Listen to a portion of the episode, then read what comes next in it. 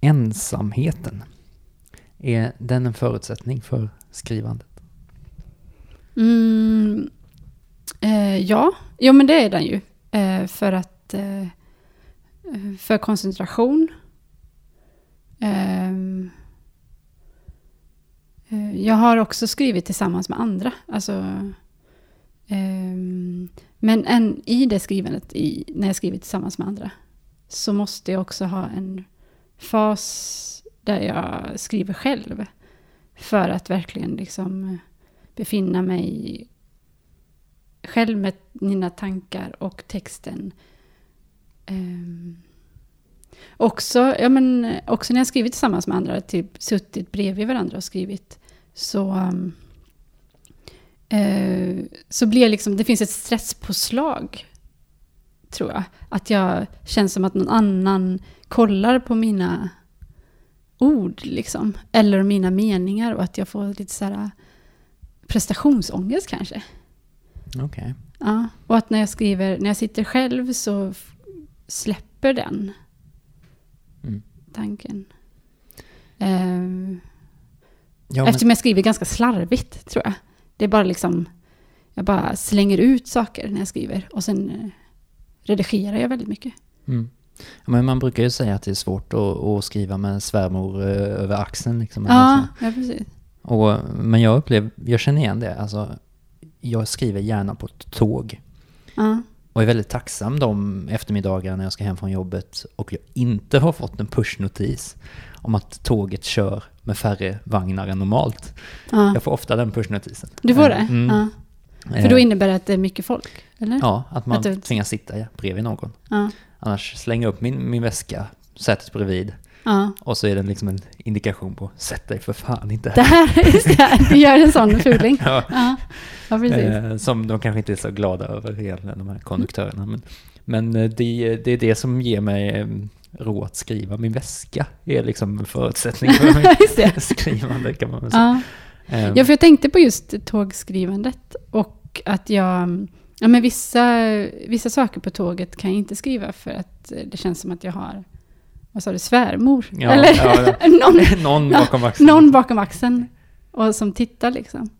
Ja. Men kan du göra andra saker på tåget? Alltså jag... Jo, men vissa saker kan jag göra på redigera till exempel. Eller viss, eh, vissa texter eh, i vissa skeden tycker jag är lättare att skriva på tåg. Som jag tycker funkar väldigt bra att skriva på tåg till exempel. För att eh, de... Eh, nej men de funkar bättre. Mm. Helt enkelt. Um. Att, det, alltså, att du känner dig mer klar med texten? Ja, då? kanske. Ja, men precis. Ja. Alltså jag, kom... Nu sitter jag i slutskedet av att redigera eh, en engelsk version av, av avhandlingen till exempel. Det funkar utmärkt att skriva på tåg. Det är liksom, och då är ändå, ja, ja men det är ju ingenting. Det är bara att tänka att den bredvid inte kan engelska. Nej, men jag, jag, jag bryr mig inte heller ifall den kan det. Ja, okay. Men jag, annars skulle man lära sig ett språk som ingen kan. Liksom. Ja. Här. Och skriva på det. Ja, just det. kan man alltid skriva på tåget. Då kan man alltid skriva på tåget. Nej, men nej, det funkar inte. Väldigt omständigt kanske. Ett språk som ingen annan kan. Det låter helt... Uh... Uppfinna ett eget språk helt enkelt. Skriva på. Ja, men då... Ja, men det är väl också det, alltså man vill kommunicera med det man skriver. Mm, jo, så är det. Man vill, alltså, Skriva nonsens. Skriva texter. nonsens vill man ju inte. Nej, dadaism och sånt här Det var mycket nonsens i ja. litterär genre. Eh, men jag tänker på Åsa Lindeborg faktiskt. Hon har berättat eh, när hon skrev Mig äger ingen. Så satt hon, hon pendlade, om det var från Uppsala eller någonting, till Stockholm. Ja. Och då satt hon och skrev. Eh, och så satte sig en kvinna bredvid henne. Liksom. Och hon, hon verkade inte ha några problem att skriva ändå. Så hon fortsatte skriva. Sen den här kvinnan fortsatte komma tillbaka. Liksom, hon märkte hon sökte upp den här platsen bredvid. Nej, är det sant? ja. ja. Eh, och sen en dag så bara så hon knackade på, knackade på axeln där och sa att Alltså det här du skriver, det är så bra. är det sant? och då blev det, för henne blev det en positiv grej att hon, eh, men då kände hon att jag måste fortsätta skriva. Ja, just det. Eh, och så hade hon den här kvinnan, kvinnan som, som, som, som satt och läste. Liksom. Vilken grej. Ja. Det tyckte jag var en fin historia. Ja. Eh, att det också kan vara positivt att ha ett utbyte av text. Ja. Eh, att ha andra som läser. Men Ja. det handlar väl om, om att man har ett förtroende på något sätt för, för den personen. Känner att man kan dela texten med den tror jag. Ja. Men du, är- du är ju också pendlare. Mm. Har du någon som sätter sig... Du, du har i och för sig den här väskan, men det är kanske någon som sitter Ja. bakom dig. Som, Alltså uppenbarligen är jag inte tillräckligt bra författare. så du har liksom inte den. Det är ingen som har dragits till mig liksom. Nej, du har ingen följeslagare. Nej, jag, så då kan jag med en gång förkasta det jag skriver. ja, Utifrån den här... eh, den teorin om Åsa Linderborgs Ja, ja, eh, dragningskraft. Eh, Och den succé som den boken blev också. Men, men ensamheten, ja, den är, den är, är en em, förutsättning, tror jag. ja men, men eh, för att vända på det så tänker jag också att ensamheten är också... Eh, jag upplever skrivandet eh, som... Nej men, eh, och det är väl det jag tänker också att vi kommer prata om. Skrivandets olika roller. Att det finns så många roller. Men också att det finns en baksida av ensamheten av att jag kan tycka att det är svårt att inte... ehm, Dels att jag vill ha ensamheten och behöver den och annars kan jag inte skriva. Och samtidigt så den här att, att det är också ett ensamt arbete att skriva. Och också att det kan vara en svårighet i det. Att eh, vem ska jag bolla det här med? De här valen, Mm. vad gör jag det? Man nästan kan göra det svårare. Ja, Alltså, man, ja men precis. man jobbar med en dikt, med ordval eller så. Ja, men liksom. precis. Och att jag då kan sakna det kollektiva. Eh, Det kollektiva, vadå? skrivandet kanske. Mm. Eh, Att, man inte själv behöver ta beslutet. nej, men precis. Utan att det är en kollektiv... Eller att... Ja. Mm. Eh, och att man inte behöver se skrivandet som en, kollekt, eh, en ensam process heller. Utan det, det finns... Alltså jag har ju läsare i, mitt, i, i skrivprocessen också. Eh, så egentligen är jag ju inte helt ensam i skrivprocessen heller. Utan folk läser utkast och ger kommentarer och... Ja, Mm. på den. Eh, och framförallt eftersom jag också skriver inom akademin. Den, är, den processen är ju väldigt kollektiv. På så sätt att man lägger upp alltså, texter på seminarier och, Mm. och så vidare. Ja, precis. Och skrivit med handledning. Och, så att den, där är ju ensamheten... Ja, men på så sätt så skulle jag inte betrakta skrivandet som en ensam praktik. Liksom. Nej. Nej, och hela, ja, nu pratar vi om skrivande. Vi kan skilja på skrivande och författarande. Ja. Eh, alltså för Bodil Malmsten skriver ju om det i sin, eh, vad heter den? Konsten att skriva. Så, Konst- nej, så skriver jag. Så skriver så jag. skriver jag. Något åt det hållet. Ja. Mm. Ehm, hon skiljer ju på det. Liksom. Att författare blir man först när, när boken trycks i stort sett. Ja, Eh, och, och redaktörsläsningar och allt sånt där. Men, men att den rollen får kanske inte finnas tidigare. Utan skrivandet är bara skrivandet för dig själv. ja. Ungefär. Ehm, tänker jag. Och sen, alltså vad, lite vad jag vill komma till är nog det här att jag skulle vilja vända på, på ensamheten också. Alltså ensamheten som är en grundförutsättning i människan i större utsträckning. Mm, Att alla människor är i grunden ensamma. mm, Alltså mm, om du lever ensam eller om du lever i Mm. parrelation, liksom, att du då kanske känner dig ensam i parrelation. Och- ja. Men också liksom en, en, i grunden existentiell ensamhet Ja, känner jag väl att man har som människa. ja, Eh, Alla ska vi vara ensamma inför döden liksom. ja. Och där har vi ju också en filosofisk inriktning, tänker jag. Existentialismen och hela den här kastad ut i världen. Mm. Man är med Kierkegaards ord fylld av sin egen ångest, liksom. Eller Mm. lever med sin egen ångest i ensamhet. Mm, ja, precis. Dan Andersson skriver något sånt där. Att våra mödrars eh, bekymmer, liksom, eh, vi, vi, vi, kastas ut i världen av, Mm, eh, av ett ångestskri. Liksom, mm, eh, och vet inte vad vi ska tumla runt och leka med och göra här. nej, Eh, Men att den, att den ensamheten är någonting som man genom skrivandet och läsandet just faktiskt vill överbrygga.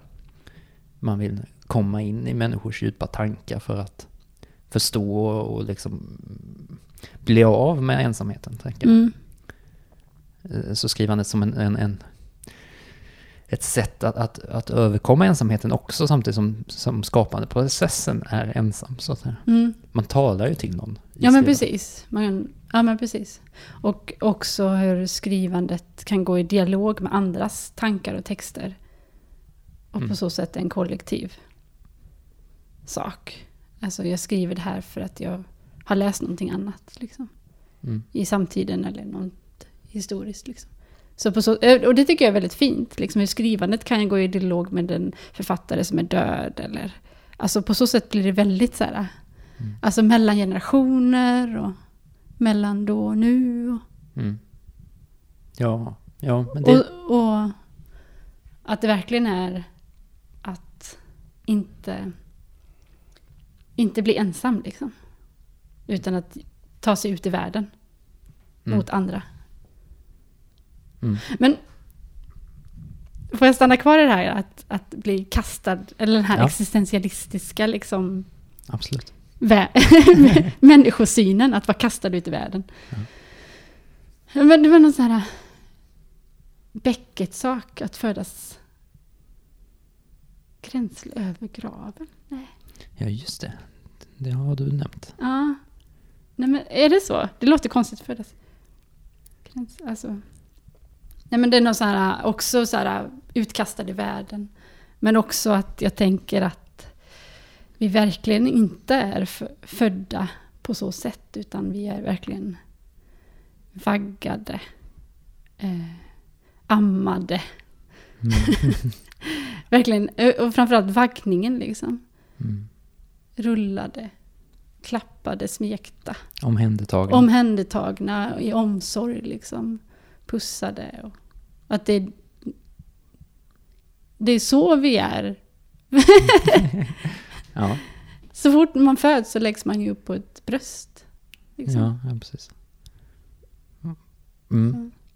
Så, att, så att det, det är någon sån här manlig liksom, idé om att vara kastad ut i världen. Det är inte så. det är inte så vi föds. Nej, Nej. nej, kanske inte. Eh, Det är de här... om, eh, om man inte ska skilja på det liksom. Alltså, jag tänker mig en fysisk eh, närhet och en omsorg. Eh, men på något sätt är du väl du är ensam, ensam med dina tankar. Eller det är du inte riktigt heller. Nej, Dina tankar är ju i dialog med, med, med andra. Ja. Dina Nej men alltså, för det finns ju verkligen en sån stark eh, filosofisk inriktning om just den här ensamheten och att vi är helt... Existentialismen liksom, hela. Den, den delen. Men, Men- att det också finns en eh, annan tanke om att vi inte är, vi är liksom födda in i omsorgen. Och du menar att den är könskodad? Nej men den är, alltså, det blir som en feministisk kritik mot den här tanken om att vi är kastade ut i världen. Mm. Jag måste nästan, eh, alltså för, för den texten, just den textraden av eh, Dan Andersson är så exakt där. Eh, Ja, ska vi kolla den? Ja, alltså Ja. jag, eh, då kan jag göra reklam för den här boken. Ah, köp den, alltså den finns på arbetarlitteratur. Jag har gett ut den liksom. just ja! att den, eh, Så då måste vi få den Ja, korrekt. precis. Så den finns att köpa, lite utvalda dikter av Dan Andersson. Jag ska hämta den i lådan här nu. Ja. Eh, så jag springer bort här. Eh, och här. Dan Andersson. Nu blir det lite radioteater här. Eh, på med lurar, lurarna och så. Eh, den här är från, ska vi se. Vilken, eh, jo den är från... Den kanske är liksom, ja men läs hela. Oj, den är rätt lång. Eh, men jag kan ta den versen kanske. Den. Ja. Omkring tiggan från Låsa. Eh, Ah, ja. texten. Eh, och det handlar då om en, en tiggare som sitter och, och sjunger och berättar en hel natt. Eh, och den är ganska, eh, också, handlar ju väldigt mycket om andlighet. Alltså det är något bortom bergen, bortom blommorna och sången. Det är något bakom stjärnor, bakom heta hjärtat mitt. Hör en något går och viskar, går och lockar mig och beder. Och så ska jag vända sidan. Kom till oss, till denna jorden, den är icke riket ditt. Så det handlar väldigt mycket om alltså, en tematik att, att eh, eh, man, är, man är satt här på jorden en stund och den är bara till låns. Liksom. Den, den är inte din på riktigt. Nej. Allting du har och äger ska tas ifrån dig. Ja. Eh, Och att man ska finna sig i det. Men då har han den här eh, textraden. Till en vild och evig längtan föddes vi av mödrar bleka.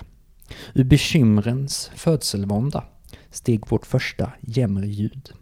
Slängdes, slängdes vi på berg och slätter för att tumla om och leka. Och vi lekte älg och lejon, fjäril, tiggare och gud. Vi slängdes, Vi slängdes, ut på äng. Mm. Eh, vi slängdes, eh, slängdes vi på berg och slätter för att tumla om och leka. Eh, och den här, just här har vi ju det här med, med, med kvinnlighet också. Ja, ja, precis. Att vi föds till en vild och evig längtan, till något som vi inte riktigt vet. Nej. Eh, av mödrar bleka. Ja, fast Eh. jag tänkte på ordet bleka också. Och så Mm. tänkte jag att... Nej, men det är någon konstig vithet också, men, men också... Eh, att det är barnet som är blekt. Eh, jag tänker att det är mö- Mödrarna alltså, själva det, det, eh, det är smärtsamma i förlossningsprocessen, tänker jag att han syftar på. Ja, Mödrars bleka. Men hur kan bleka syfta på smärta? det gör det kanske inte. Det är så jag tolkar det. Det är det? Jag tolkar aha. det inte som någon vithet liksom. Nej, Ehm, utan smärta. ja, Ja, ja smärta är det ju. eller kanske som mödrar bleka, att de kanske är lika, lika vilsna som oss i den här världen. Liksom. Aha, ja. Eh, Men eh, den här då, raden, ur bekymrens födselvånda steg vårt första jämmerljud. Alltså redan, redan I, när vi i föds, så är det... Så, I bekymren ja, så finns det redan där och, vårt, och då kommer skriket. Liksom. mm, precis. Ja. Ehm, Och... Um, nej men också att... eh, Nej men skriket är ju viktigt liksom, tänker jag, vid födseln.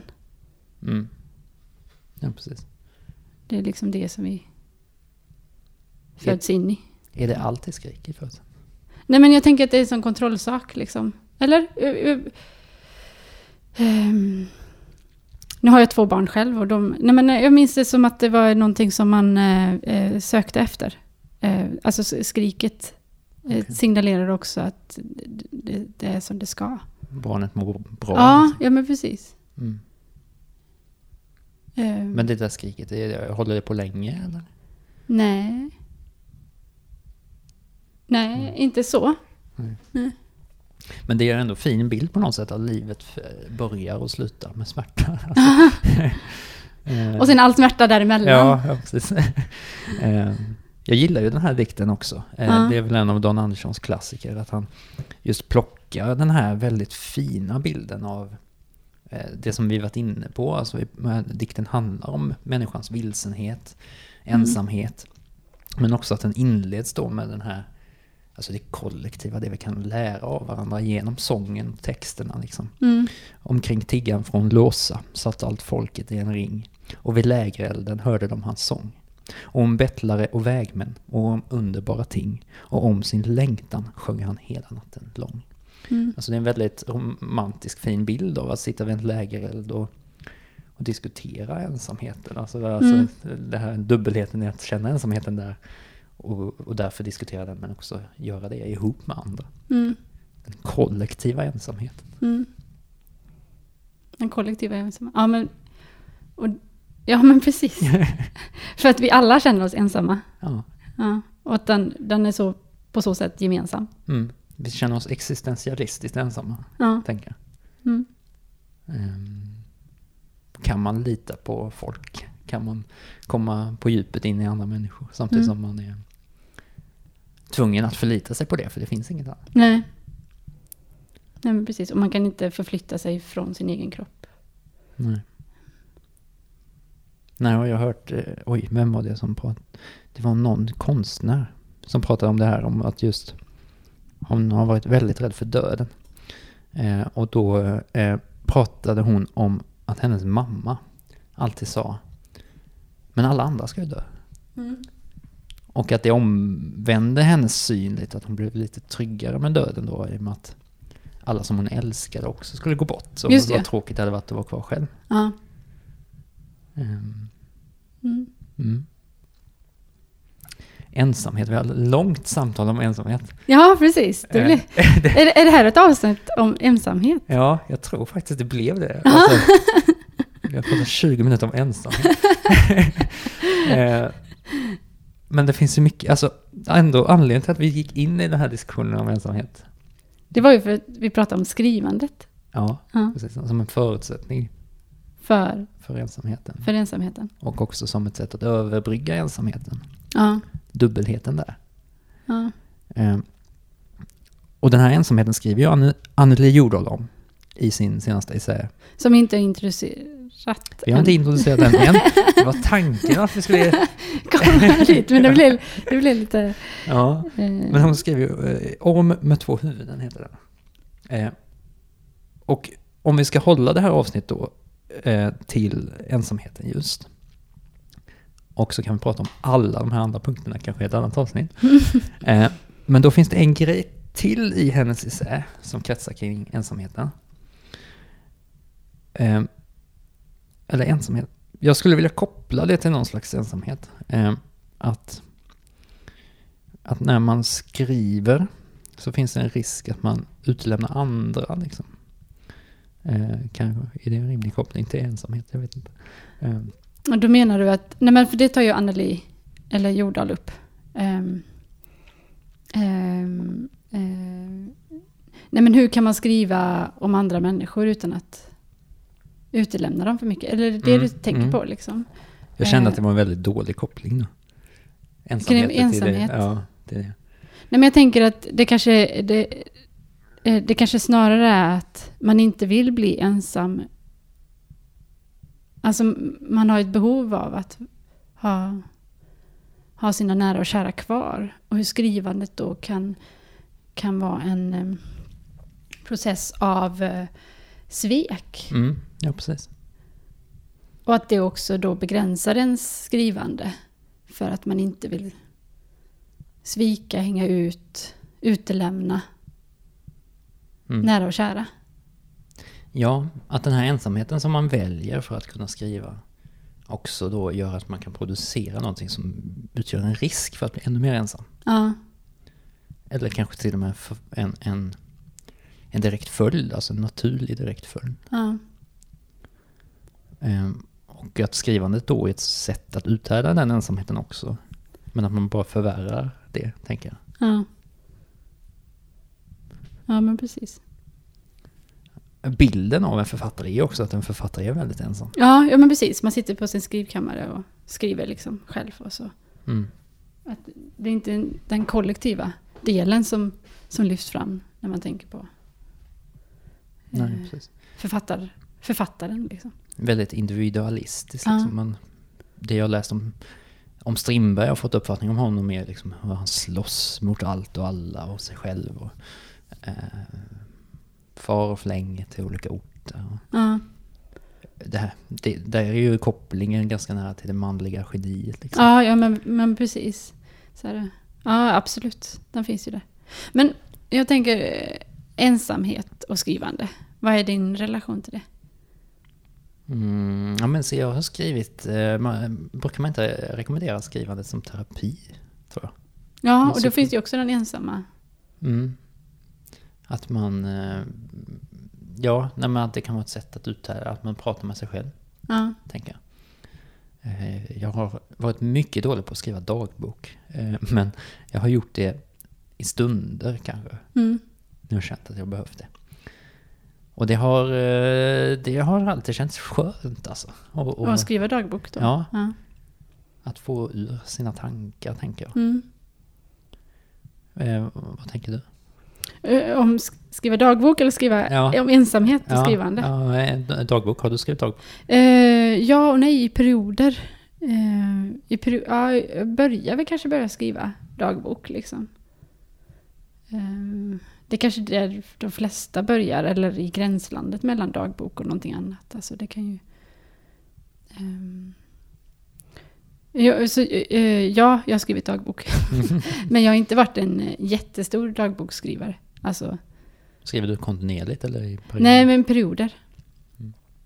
Perioder. Är det kopplat till vissa perioder? Ja, ja men precis. Det är det nog. Ehm, eller jag vet en period snarare. När jag var runt eh, 20-25 kanske. Som jag skrev ganska mycket dagbok. Ja. Och varför? Mm, ja men, sant. Kanske ensamheten där också. Mm. Dialogen med dig själv. Ja, dialogen med mig själv. Ja. Mm. Eh, nu skriver, alltså eh, dagbok skulle jag inte vilja säga det är, men det kan ju vara utkast eller inspirationstankar eller frustration som gör att det blir liksom dagboksliknande anteckningar på telefonen. Eh, Mm. Men jag tänker inte det som dagbok liksom, nej. Nej. Utan, Men jag tänker också de dagböcker jag har läst, alltså författare och sånt som har gett ut dagböcker. Eh, mm, känslan av dem är ju alltid ensamhet. Liksom. ja, just det. Ensamheten är alltid ett tema. Ett Tema i, Mm. ja, i dagboks... Mm, hur man är ensam med sina, sina tankar. Ja. Det kan ju ha med formen att göra, att den är intim. Men kan man undra varför dagboken också har blivit populär att ges ut. Alltså. ja, just det. Eh, Men, eh, nej, men jag tänker på, jag har bara läst delar av Lars Norén. Liksom. Eh, Men, Just det, det finns ju alltså... Det är ju dagböcker. mm. Eh, Och också frågan, är de tänkta att ges ut när de skrevs? Mm. Hur mycket de redigerade och så vidare. Mm. Um, Anne Franks dagböcker Ja. till exempel. Um, där man lär känna de andra människorna genom dagboksanteckningarna. Men Ja, hur det hela tiden är det här filtret genom en människa som betraktar dem. Och den, ja, den betraktande blicken har en distans och en ensamhet i sig. ja. Men också, nej men, det ehm, alltså saker med dagbok är ju också att det finns en kronologi och en, eh, en notis om vilken dag liksom. Mm. Alltså att det finns ett år och det finns ett datum och en årstid. Ja, precis. eh, Som ger ett extra lager av tidsdokumentation liksom. Mm. Den här Ja. ensamheten, fin- finns den om man jämför, jag vet inte om du har läst så mycket dagböcker, alltså om du jämför manliga och kvinnliga författare eller um, icke-binära liksom. Ja. Ehm, Nej, jag, jag vet inte. Jag kan inte riktigt... om det skiljer sig i ensamheten, hur man gestaltar ensam, ensamheten. Ja. Ehm, jag kan inte riktigt... ehm. Nej, jag, jag vågar nog inte ge mig in där. För jag, kan, jag har inte läst så mycket dagböcker. Eller liksom, Anne Franks har jag ju läst. Alltså nu kommer jag inte på några. Mm. Liksom. Alltså jag skulle nästan vilja uh, rikta en, uh, en shout-out till alla uh, litteraturstudenter på universitetet. Skriv, eh, skriv om detta, alltså studera det. Det har varit intressant att veta. Ensamheten i, I i, olika... mm, ur en, en feministisk eh, synvinkel. Ja, men en, en sak så tänker jag kring dagboken. Också då kopplat till ehm, eh, flickan eller sådär. Att det är sådär, ja, men skrivandet som en privat sak. Att det inte är en sak som ska kommunicera. Utan det är liksom sådär, den här dagboken med ett hänglås liksom. Mm. Att det finns som en Ja, föreställning om flickors skrivande. ja, precis. Väldigt könskodad. Ja. Väldigt könskodad liksom. Pojkar skriver inte dagbok. Och, Ja, ja precis. Och det tänker jag att det kanske finns litteraturvetenskaplig mm, forskning kring. jag Du är ju mer, eller? Ja, men ja, och samtidigt så den, den, fram, när jag tänker på en dagbok, liksom en barn, barnbok, dagbok, tänker jag på Berts dagbok. Ja, just ja. Berts dagbok, Ja. som jag också läst när jag Ja, var barn. okej. Mm. Tyckte inte alls om dem, ska jag säga. Nej. Ja, de är nog lite eh, passé nu va? Ja. Nej, men jag kunde, och som barn läste dem eller tog del av Alltså det var... Eh, nej, jag, jag, jag, det gav ingenting. Nej, men att de idag uppfattas som lite stereotypa. Ja, ja men precis. Och det handlar ju om Bert och hans sexuella fantasier. Och de här tjejerna, flickorna som bara blir objekt. Alltså den är ju Mm. väldigt Mm. Speciell på så sätt liksom. Ska vi eh, gå över till våra ord? Ja! Ska jag börja? Du kan få börja. Okej, eh, mitt ord är pörte. Purte? Pörte. Inte purté? Nej, jag vet inte. Jag skojar bara. Okej, det kanske är pörte. Jag vet inte. är det apostrof? Nej, det är det inte. Nej, Putte. Nej, jag har aldrig hört. Pörte. Det låter som ett smeknamn. Putte. Ehm, herregud, vad kan det vara? Och det kommer från Anneli Jordahl. Jag vet inte. Jag har, jag har, alltså, jag hade ett annat ord där jag avstavade fel, det är därför du skojade innan. Ja. Där jag bara, aha, var det det ordet? Vad var det? Eh, Art? vad var det? Jag trodde det stod artegen. Ategen? Så var det artegen. Jag bara, artegen, vad är det? Artegen vet jag. Ja. ja. Så jag plockade bort det, det var inget ord.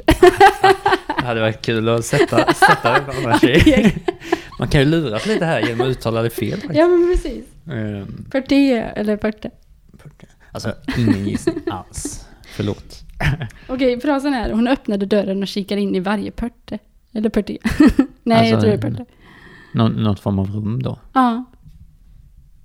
Är det något speciellt rum? Alltså? Ja, Vad för rum? Eller? Alltså jag ska gissa. Ja, ja. Du ska gissa. Jaha. Ja men skrå alltså. Skrymsel. Ja, ja men precis. Någonting sånt. Fast det, ehm, det verkar vara, eh, det är väldigt mycket när jag kollar på eh, Svenska Akademiens ordbok så är det väldigt, eh, det är flera benämningar på ordet. Man kan ha lite olika men det verkar också vara finsktalande trakter eller finnar. Ehm, eh, då finns det skorstenslöst boningshus, eh, bastu, eh, dåligt, Alltså, Eh, alltså ryckel, kyffe, koja. okej. Men, Undermåligt våningshus. men ändå ett helt hus liksom. Ja, men precis. Men, men också att den inte har en riktig skorsten. Så Mm. att, eh, det var någon beskrivning här av hur eh, röken då färdas genom dörren istället. Liksom. Ja, okej. Så in, ingen skorstens... Inget hus med skorsten. Okej. Ja, jag ska lägga detta på minnet. Ja, precis. Eh, du ska också få ett ord här. Ja, Eh, profan. ja, Det kan du. ja det kan jag. Ah, attans. Världslig. Eh, ja, Ja. det, det var nog en definition. De, de, definitionen var ju att det var ett motsatsord till något annat. ja, till det heliga eller Mm, till, till, precis. till det upphöjda. Du har ju också läst religionsvetenskap. Ja. Ja, Dumt precis. ord för mig. Ja. Ja. Profanera och profanering. Profan. Det är också ett ord som min, min, eh, min filosof som jag har jobbat med jättemycket, Agamben, har skrivit ganska mycket om. Så det var, det var jättelätt för mig. Att göra någonting världsligt. När man Mm. offrar någonting till gudarna så tar man undan någonting som man kan äta. Det är det Jaha, som är akten okej. också, att profanera, att göra det världsligt. Det går inte, det blir inte andligt, det blir liksom Nej. Ognitigt. När du säger det så här, för jag, antecknar ju inte varifrån jag har fått det, men när Nej. du säger det så så kan jag gissa att jag kan ha fått det ur den här tjocka boken som ligger här. Mhm. Skånes historia. Mm. Eh, som handlar mycket om just offer och Just det, ja. Aha. olika former av eh, ja, riter och så. Ja, just det. Ehm, också kopplat lite eh, det här till, eh, jag går en kurs i, i Kapitalet Ja, av Karl Marx. Eh, där vi pratar om eh, em, fetisch. ja. Som idag har en lite annorlunda- innebörd. Alltså va- varufetischism. Ja, just är- det. Att man idag man har fetisch. Man har, ja, har en speciell grej för ja speciell... Mm. eh, Ja. Mm, något det. Ja. Men att det vi har en, en gammaldags religiös innebörd. Aha, har det? Mm. Också på sätt... Mm, som, eh, som, eh, vad ska jag säga här, fetisch. Eh, och att det är det som Marx egentligen menar då. Liksom. Eh, så att man Ja, det, det handlar om eh, hur, hur, hur varor får sitt värde. eh, ja, ja, ja, varufetischism handlar väl mer om, om, om, om varans funktion. Alltså, eller, så. Ja, Ja. kopplat till värde. Men ja, jo, jo, men det, ja, det kan man säga. Eh, nu brusar det lite här, men det är för att eh, Du har internet. jag har internet och jag googlar. Eh, ja, just det. Eh, ett föremål som anses ha övernaturlig kraft. Alltså, Just det. Eh, och, Just det. och så ska man läsa hans eh, syn på, alltså Marx. Ja, ja men precis. Ja, det gör det lite klarare för mig också att man kopplar det till, en, eh, till den heliga ande, alltså den religiösa aspekten av det. Att göra någonting, vad sa du, över, Övernaturlig kraft. övernaturligt liksom, ja, kraft liksom. att, Ja. Och det är det han menar att, att, att, att eh, det gjorde mycket enklare för mig att beskriva också. Att, att varan är ju någonting som... Alltså pe penningen är ju egentligen precis samma sak som alla andra varor. Och eh, penningen som en, en slags varufetisch. Ja, Man, ja precis. den får liksom... Ett värde över Ja. sig själv. Ja, Liksom. ja, Mer än papperslappen. Ja, precis. Och gudomlig, har massa olika aspekter av det här. precis. Liksom, som, ehm, och eh, ja, den, dess makt är oinskränklig. Liksom. Ja. Ehm, typ. Mm. Ja, ja. Eh, det var detta avsnitt. men jag vill ha poäng. Du vill ha poäng? Jag ska läsa poäng också? Herregud! Du kan få ditt jävla poäng. Jag nöjer mig med noll. Tack, jag är nöjd. Ja, det var, då kan vi sluta där. Vi säger så. Ja. Hej! Hej.